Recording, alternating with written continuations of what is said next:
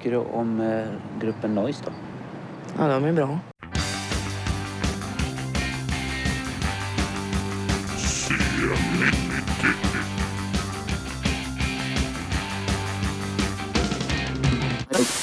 Ja, den här låten känner ni säkert igen. I natt är hela stan vår med gruppen Noise från Gustavsberg som då ligger lite utanför Stockholm det.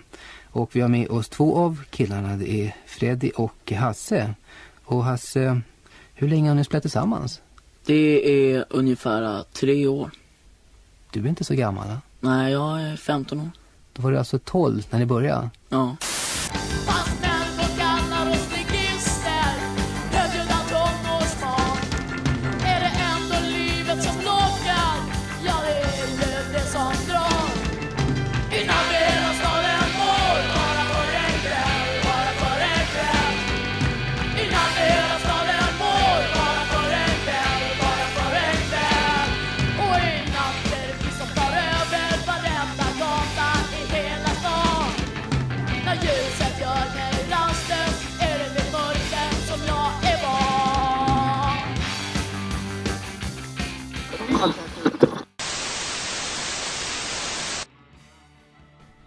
Rullar igång då.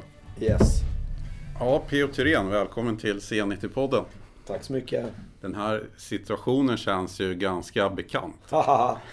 ja, det får man väl säga efter, eh, efter att du skrev den bästa bok om noise som någonsin har gjorts. Det är inte så många, men den är, den är en klassiker. Den fick jättebra kritik och jag tyckte att du gjorde det fantastiskt bra. Ja, kul Verkligen. att höra. Kul yes. att höra. Att bedårande barn av sin tid. Yes.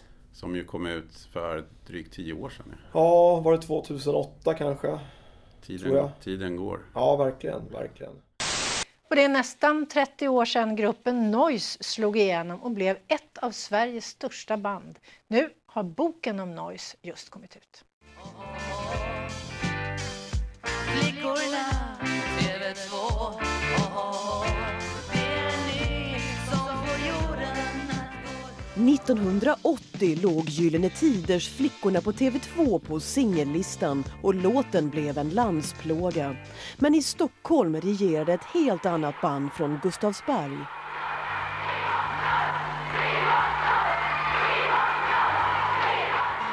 Man skulle stå längst fram och eh, det var trängsel och man svimmade. Jag svimmade inte då men det var ju många som svimmade som inte orkade med trycket. Det har varit galet fan. Vi åkte till Gustavsberg flera gånger i veckan. Vad gjorde ni det för? För att vara nära dem.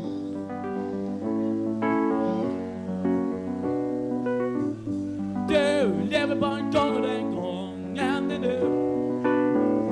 Finns bara en som vet hur du ska leva och det är du.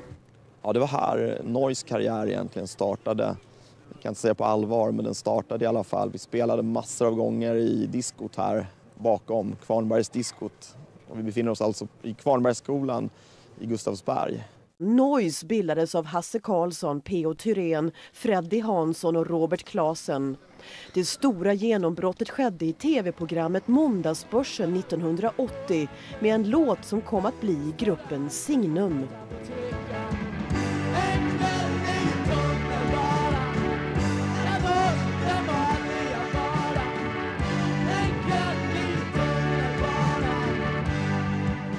Om åren i början av 80-talet handlar den nysläppta boken Bedårande barn av sin tid. Här får man veta allt om Noys fantastiska framgångssaga med fullsatta konserter och över 300 000 sålda plattor som gav gruppen både guld och platinaskivor.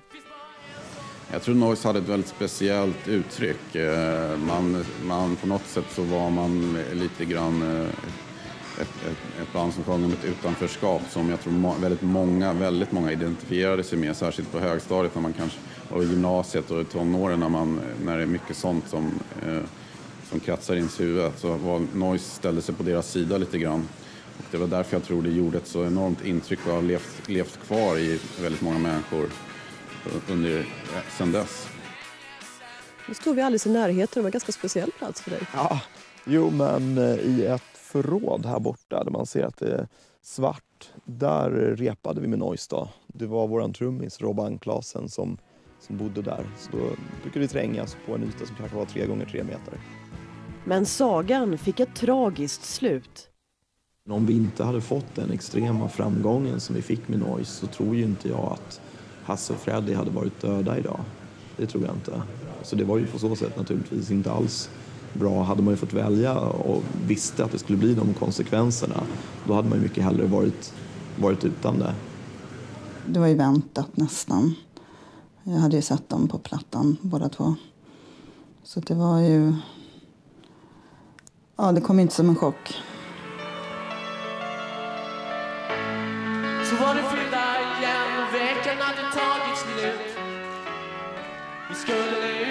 Till och då måste man ge ut. Där ute i mörker finns det som får mig att må bra. Hur ute känns det till, där känner jag att jag är jag.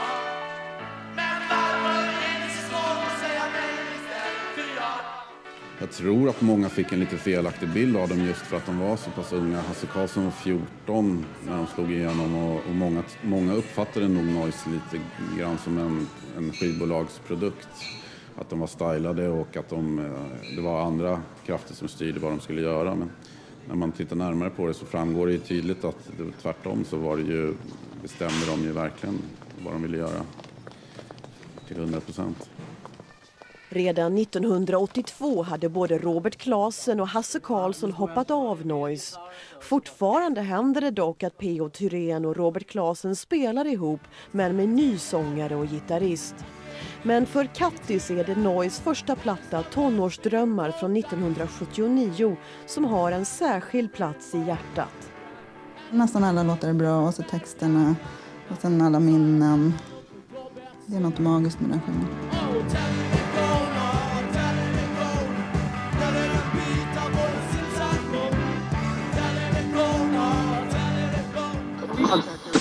Ja, för då satt vi ju i arbetet med den boken så satt vi ett antal gånger så här och eh, pratade och spelade in och, och som sen mycket blev på själva boken Bedårande barn av sin tid.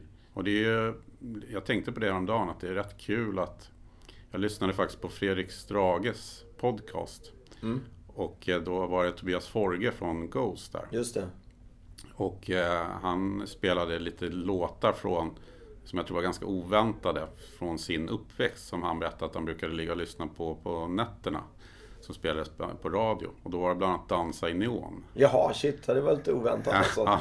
Det får man ju säga. En av de låtarna som han valde ut då. Och, eh, och då säger Fredrik Strage så här, ja den här låten den är otroligt bra. Den är ju skriven bland annat av P.O. Thyrén från Noise. Och jag älskar Noise. Så att det är inte så jävla konstigt att den här låten är bra. Kul! Nej, Jag vet ju att Strage, Strage gillar Noise. Jag tror mest han gillar det väldigt syntiga albumet eh, Europa. Men det är en del som gör det. Jag tycker ju själv inte att det albumet är så bra men ja, men jag snackar med dem i Lustans Lakejer också. Vi brukar springa på varandra och sådär eh, ibland. Och framförallt Johan där som jag haft kontakt med. Och eh, de brukar också lyfta fram just den, den plattan och snacka mycket om den, den plattan och sådär. Du och jag, du och jag Vi springer som i gator. Du och jag Tillsammans, du och jag Allt känns bra. Ögon möts i samma land När du viskar upp mitt namn.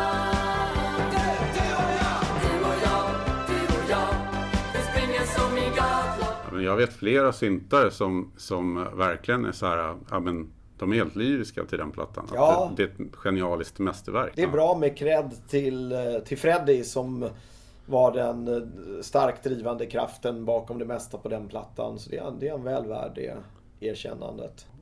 Hur är läget annars med, med PO3? Då? Det är bara bra. Eh, extra mycket idag kan jag vara väldigt nöjd eftersom jag var två timmar på gymmet igår och bland annat sprang en mil på löpbandet. Så kan man ha gott samvete på den, på den fronten. Men annars, det är många, många järn i elden och en grej som hände i torsdags. Vi hade en presskonferens och den handlade om att det kommer bli en musikal med hela Noise-storyn. Och det är en riktigt gedigen och tung satsning. Och eh, jag måste väl nästan sträcka mig till att det är nästan så, det, det största som hänt i Noise-världen sen vi var med i Måndagsbörsen den 17 mars 1980. Det, det är riktigt roligt och det har varit väldigt, väldigt stort mediegenomslag på att det ska bli den här musikalen. Mer än vad jag hade förväntat mig faktiskt. Jag såg ju lite bilder på sociala medier och lite klipp sådär och eh, det var ju rätt kul att alltså de som, spelar, som ska spela Noise var där i full mundering. Ja, det var ju skitbra. Det var ju genialiskt. Men det är ju lite som att ha, säg att de skulle vara en presskonferens med, med Kiss och så skulle de inte ha på sig sina scenkläder och vara sminkade. Det blir ju ganska avslaget på en gång. Så utan några jämförelser i övrigt så, så kände jag att det, det tillförde väldigt mycket att både det här, de som spelar oss, som spelar Noise i musikalen, att de var där och hade på sig scenkläder och full sminkning. Det tillförde jättemycket. Och sen att vi av de gamla medlemmarna som är kvar i livet, jag, Robban Klasen och Fredrik von Gerber, att vi var där också allihopa och kunde stå bredvid de här nya skådespelarna som spelar Noise, som man kunde jämföra och se likhet och sådär. Och eh, alltså vissa av skådisarna, det är ju väldigt, väldigt likt originalen. Han som spelar Robban Klasen, det är ju oerhört likt hur Robban såg ut då. Och han som spelar Fredrik von Gerber, också väldigt, väldigt likt. Och jag visade en bild för Ola Håkansson, vår gamla manager. Och så visade jag en bild på han som spelar Freddy. Och han tyckte ju så här, ja, men det kan ju inte bli mer likt än sådär. Det är inte möjligt, det går liksom inte. Och de långa armarna la han till. Det var i minsta detalj.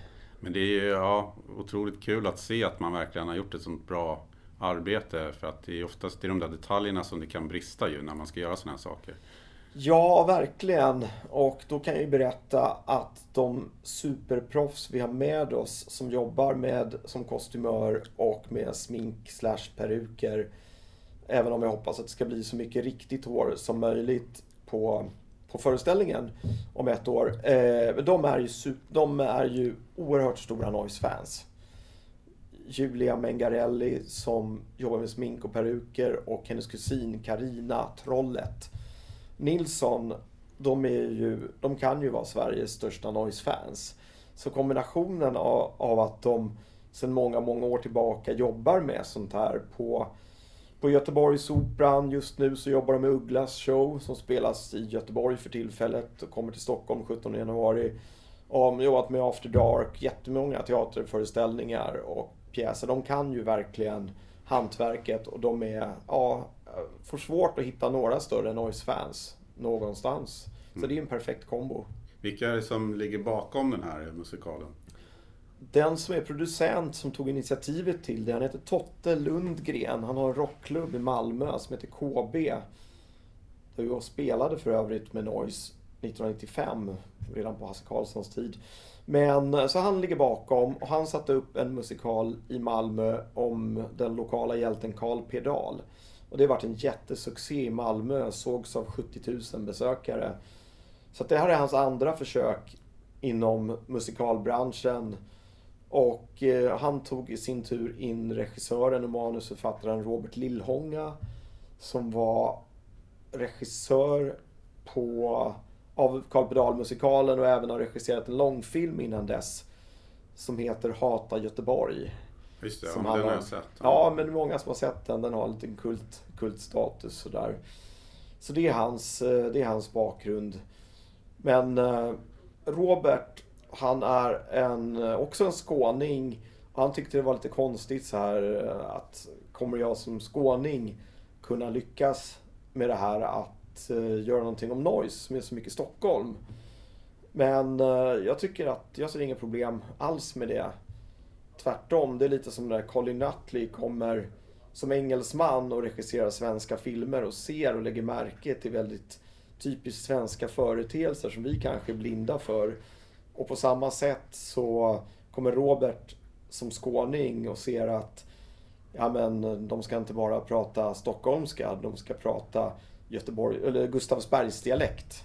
Så att det är i hans värld stor skillnad mellan eh, olika typer av stockholmska och den stockholmskan som talas i Gustavsberg och i andra delar av Storstockholm. Och eh, manuset då, har de utgått från liksom, pratat med dig eller hur har de kommit? Det... De har, de har pratat med mig, de har pratat med... eh, De har tagit del av alla källor som finns till fakta. Men det här, den här musikalen, den gör väl inte riktigt anspråk på att återge sanningen till 100% i alla lägen. Utan den är så här, som det brukar heta, baserad på en sann story. Och en del är ju 100% relevant.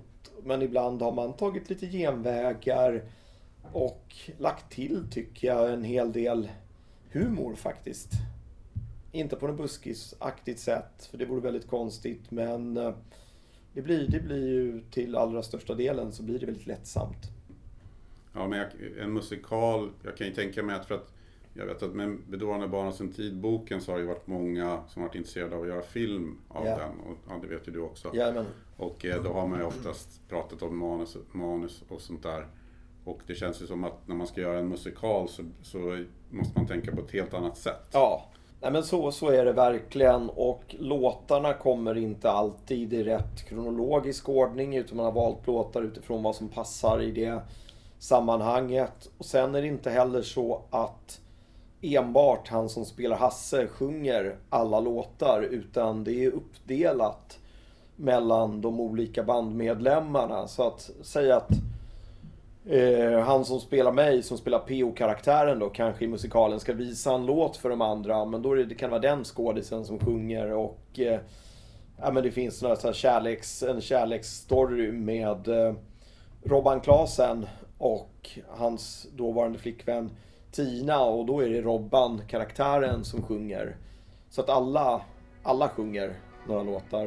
Och det är ju sex stycken olika Noise-medlemmar som porträtteras och det är... Ja, först var vi ju... Vår första singel, då var vi fem stycken. Då hade vi med oss en gitarrist som heter Robert Liman. Och eh, Robert Liman-karaktären tror jag sjunger Jag vill inte vara som alla andra. Som han väl skrev. Som han skrev, precis. Jag vill inte vara som alla andra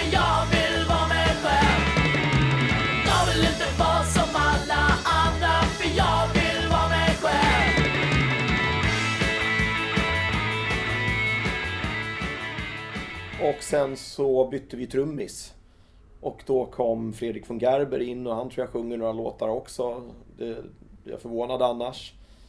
Så det är ju sex stycken olika Noise-medlemmar som porträtteras och den utspelar sig 1975 till 1981.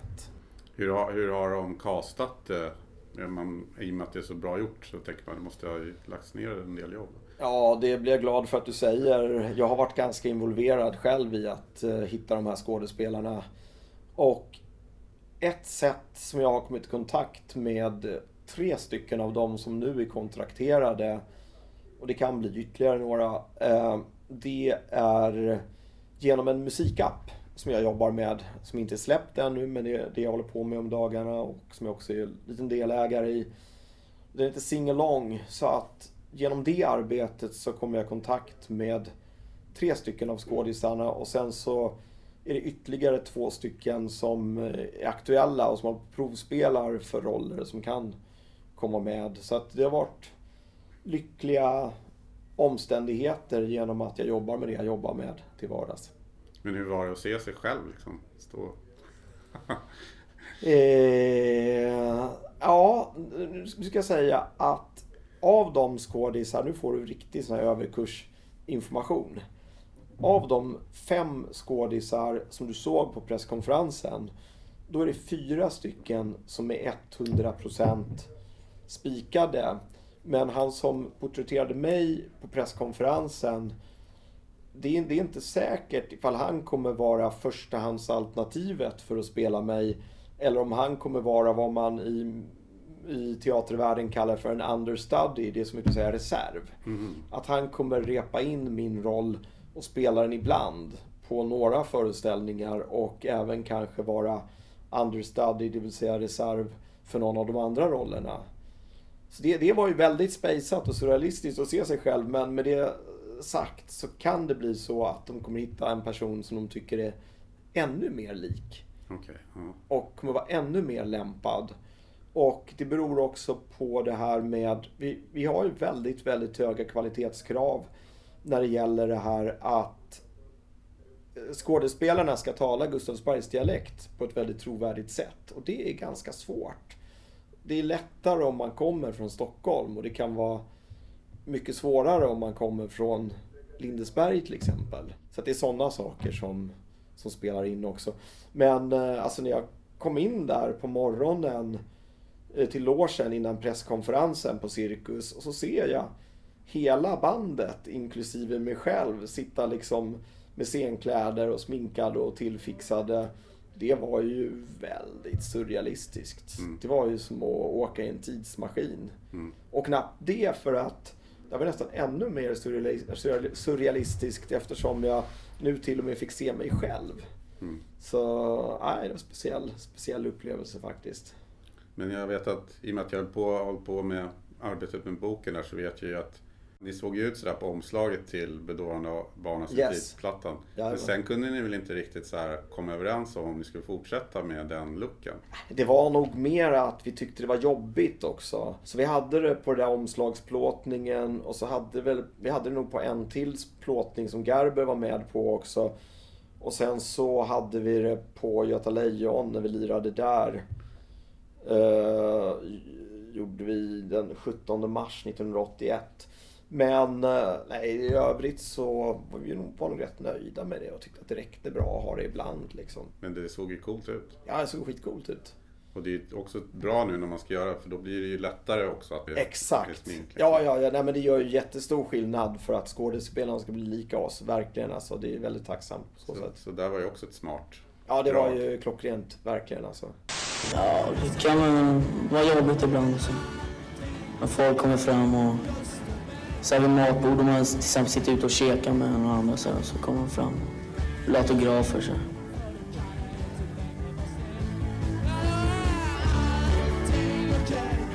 Och så tittar de så här och glosar bakom så här. Blir du generad då? Ja, det kan väl hända att man blir. Men det är väl rätt kul ändå. Det är ju draget.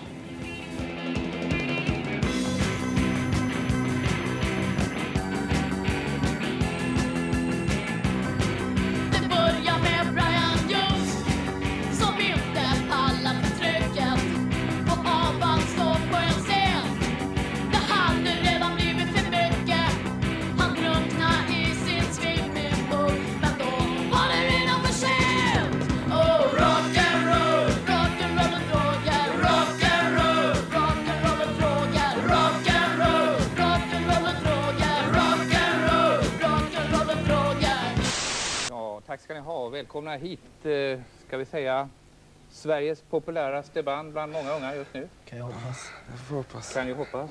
Jo, det tror jag. Men eh, jag ska fråga de här grabbarna först. Eh, om man säger Gyllene Tider då, vad säger ni då? Ja, är okej. Okay. De är okej? Okay. Ja. Schyssta killar. Vilka är bäst då? Men snälla, men vi är bäst alltså. de är snälla de också. Ja. ja, ja, det är tvära kast i det här programmet.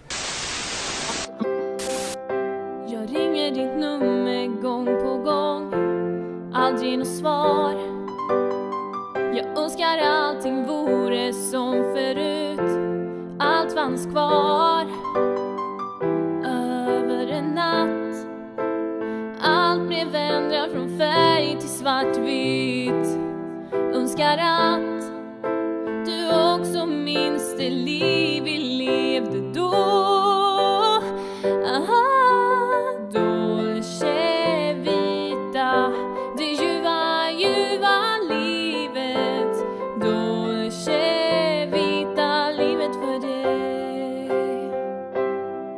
Hellströms version av Noise-låten Dolce Vita, Det ljuva livet. Noise-musikalen som har premiär i oktober 2020 är döpt efter en annan låt, Du lever bara en gång, och kommer att spelas på Lilla Cirkus i Stockholm. Och Lilla Cirkus, det kan jag tycka, det låter lite pluttigt, men det är ju inte så litet. Nej. Salongen tar ju 800 besökare. Och på onsdag den 27 så släpps det biljetter till 36 föreställningar. Så det vill till. Det är många biljetter som ska säljas där. Men det är som sagt, det verkar vara jättestort intresse och det nej, det, det är in, mediaintresse långt utöver vad jag hade förväntat mig. Så det är en fantastiskt bra start. Om det går bra kan det ju kanske bli turné. Det kan bli, eh, om det går väldigt, väldigt bra så kan det ju bli en förlängning en bit in på året därefter och det kan ju bli föreställningar i Malmö eller Göteborg rent teoretiskt och kan bli turné. Men det vet man aldrig. Det enda som vi vet 100% säkert det är de här 36 föreställningarna i Stockholm. Sen beror ju allt på, på hur det går och så. Hur, hur är läget med Noise annars då? Ni är ju, ganska aktiva. Ja, men eh, det blir några små gig sådär ibland. Några om året eller något i månaden. Men eh, Fast det, är, samtidigt... det är ju en ganska perifer hobbyverksamhet. Liksom. Ja. Det är så. Nej, men det hur man ser det själv också. Att det inte är något som man på råsatsar på. Utan bara kul när det dyker upp rätt förutsättningar och rätt, rätt möjligheter. Men det är, det är ju tacksamt för att vi får ju alltid asbra publikrespons och det brukar alltid komma väldigt bra med, med folk. Så då är det ju roligt att hålla på. Men du ser det som en hobby? Ja, ja, liksom. ja, utan tvekan. Verkligen. Men det känns som att det har fallit bra på plats med, med Funky, Funky Dan. Oh ja. Nej, han gör det jättebra. Verkligen. Det tycker jag. Och ni har släppt lite nya låtar. Ja, men några stycken. Men det, det är mest en angelägenhet för de närmast sörjande. Liksom. Men det har varit roligt för oss att göra. Och eh, eh, Anders Hansson som har hjälpt oss med att producera de här låtarna. Han, eh, han har ju väldigt, väldigt tunga meriter. Så att hans meriter, de är egentligen alldeles för tunga för att han skulle vilja jobba med oss. Han har haft en USA-etta och några världshits med Cher bland annat. Och eh, han är dessutom musikaliskt ansvarig för musikalen. Så att han är den som kommer se till att det ska låta precis Ja. så, likt, så likt plattorna som möjligt egentligen. Så det blir på det sätt som, som folk är mest vana att höra noise från de lyssnade på de gamla plattorna och få skådisarna att spela på rätt sätt och så här. Det känns ju verkligen som att inget så här lämnas åt slumpen. Nej, nej, nej. nej men det är, ett, det är ett dream team vi har byggt runt den här musikalen. Det är ju, det är ju extrema proffs. Alltså jag skulle inte kunna tänka mig någon mera lämpad, bättre lämpad person än Anders. Vi lärde känna honom på Sonet 1980 och han har ju varit med under hela resan och gillar och förstår musiken mycket och jobbat med mycket närliggande grejer. Och han producerade även Hasse Karlssons andra soloplatta på 80-talet. Så att Ja. han har varit väldigt nära oss under lång tid. Så att han kommer göra ett fantastiskt bra jobb. Det, det känner jag mig 100% trygg, trygg i. Man kan ju också tänka sig att musikalen, nu intresset har på något sätt ökat lite grann hela tiden. Nu kan det ju bli ännu större i med musikalen också. Ja, men det, det, det tror jag verkligen att vi kommer öka intresset för noise och för våra låtar och sådär. Det är jag övertygad om och att vi kommer kunna nå en ny publik. Både kunna återaktivera en gammal publik och sen att det blir kids som kommer upptäcka det också. Det, det händer ju hela tiden men i mycket större utsträckning nu. Det, det, det är jag övertygad om. Och sen får man, kan man ju fortfarande hoppas att det skulle ju vara jättekul tycker jag om Bedårande barn av sin tid skulle bli en, en filmatisering. För det känns ju som att ja, alla man pratar med tycker ju att det är liksom en perfekt, det skulle bli en perfekt film. Absolut, men det är väl några, var det inte några som fick lite pengar från Svenska Filminstitutet för att jobba med ett manus Ja, till det? För att jag träffade några i somras, så att vi får se hur, det blir och hur långt det bär och sådär. man har ju förstått, eftersom det har varit många turer och varit många som har gjort försök tidigare, att just det här med film är en väldigt eh, tidskrävande procedur och att det är många turer innan det liksom faller på plats och sånt där. Men Verkligen.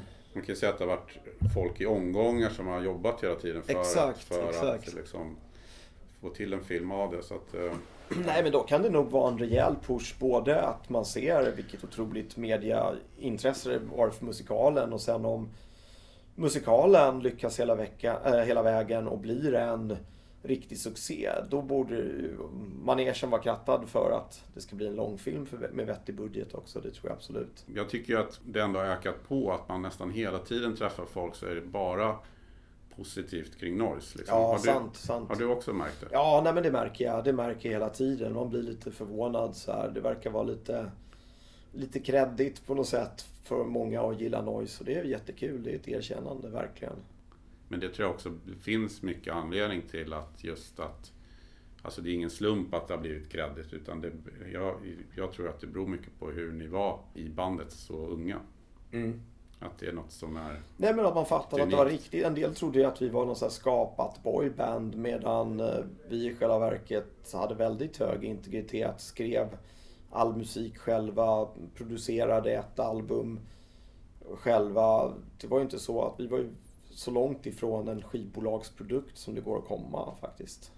Det är väl lite den eh, missuppfattningen som, som jag tyckte var roligt att försöka ändra på Mm. med boken. Att just den här, för att den, som du säger, det var verkligen många som, eller man, jag upplevde i alla fall att det var många som hade den uppfattningen. Mm. Och den var ju så helt fel mot Verkligen, hur det verkligen. verkligen var. Var det något, något band som inte gick att liksom, Gick inte att tygla överhuvudtaget. så var det ju noise. Ja.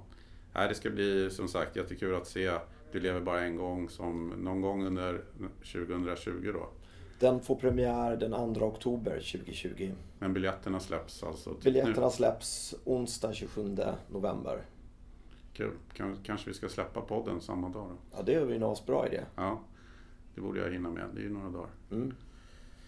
Ja, nej men eh, är det något mer du känner att du eh, vill eh, tillägga om musikalen eller något sånt? Har ni några spe, spelningar planerade? Eller? Ah, några, några små enstaka gig. Men vi gör ju ett litet, litet obskyrt men väldigt roligt eh, klubbgig. Och eh, det var faktiskt för att eh, Robban Klasen han bor sedan många år tillbaka i Huddinge. Och då har han tjatat om att äh, men vi måste spela i Huddinge, jag vill ha ett gig på min hemmaplan. Så vi ska spela på ett ställe i Huddinge som heter Melins den 28 december.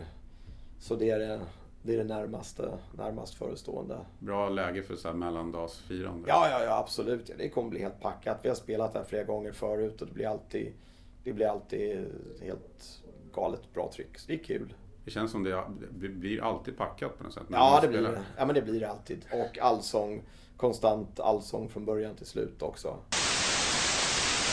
Eh, Det ska vara roligt att komma in på frågan killarna här också. Det här med, du säger att ni är medvetna om att ni är föredömen och att det är viktigt vad ni gör. Det som stod om er i tidningarna, läste du det Bengt Hellman? Här om, i, Ja, jag jag tror att det var Aftonbladet som hade en stor, ska vi kalla det för skandalartikel? Vad, vad säger du om en sån där artikel? Det, det var bara påhitt allt det. Hotellet Okej, är helt som, som stod att ni slog sönder alltså? Vi slog aldrig sönder någonting. Det var ju, Så här- det var ju så här är det första... alltså Att, att det var, vi, I tidningen stod det alltså att, eh, att två hotellrum var sönderslagna. Mm. I, I Strängnäs-tidningen så stod det som det var att det var en gardin som hade åkt ner.